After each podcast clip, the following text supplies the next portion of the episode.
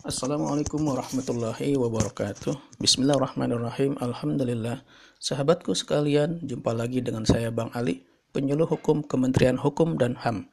Baik, pada kesempatan kedua kali ini saya akan menyampaikan tentang uh, uh, ada seseorang yang uh, saat ini sedang viral, sedang dibicarakan di televisi maupun di siaran-siaran radio bahwa ada seseorang yang melakukan perbuatan mesum di sebuah halte di pinggir jalan. E, menarik sekali untuk dibahas pada kesempatan kali ini. E, kenapa ini masih terjadi dan dilakukan di tempat umum? Ya, kita tidak tahu motifnya apa. Mungkin karena ada gangguan kejiwaan kali ya. Karena banyak apa kita e, tidak habis pikir kok bisa melakukan hubungan uh, apa namanya semacam hubungan badan gitu ya uh, hubungan seksual di pinggir jalan apalagi di halte tempat umum orang yang berlalu lalang ini sebetulnya gimana sih dari hukum ya orang-orang yang uh, orang-orang yang melakukan mesum di tempat umum. Uh, kalau kita lihat dari sisi hukum orang yang melakukan perbuatan mesum di tempat umum itu uh, secara khusus itu diatur dalam Undang-Undang Nomor 44 Tahun 2008 tentang pornografi. Itu sanksi bagi pelaku pornografi itu akan nanti akan dikenakan sanksi berdasarkan Undang-Undang Nomor 44 Tahun 2008 tentang pornografi. Tentu ini akan ada uh, penyelidikan, penyidikan ya, eh, apakah ini masuk dalam eh, perbuatan eh, asusila atau perbuatan mesum berdasarkan undang-undang tersebut, yaitu undang-undang nomor 44 tahun 2008 tentang pornografi.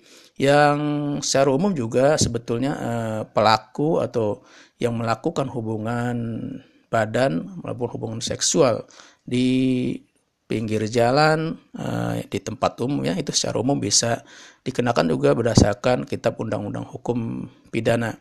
Nah, kira-kira apa sih sanksinya buat uh, orang yang uh, melakukan uh, hubungan badan atau persetubuhan atau kegiatan seksual di tempat umum itu sanksinya seperti apa? Nah, kalau kita melihat sanksi bagi pelaku mesum atau asusila dalam kitab undang-undang hukum hakam dalam kitab undang-undang hukum pidana itu disebut sebagai perbuatan asusila atau kejahatan kesusilaan. Nah, dari sisi hukum eh, pelaku bisa dikenakan sanksi berdasarkan itu pasal 36 junto pasal 10 Undang-Undang Nomor 44 Tahun 2008 tentang pornografi dengan ancaman pidana itu pidana berupa berupa pidana penjara paling lama 10 tahun atau dan atau denda paling banyak 5 miliar rupiah. Jadi ini pelaku eh, yang melakukan eh, eh, hubungan mesum di tempat umum.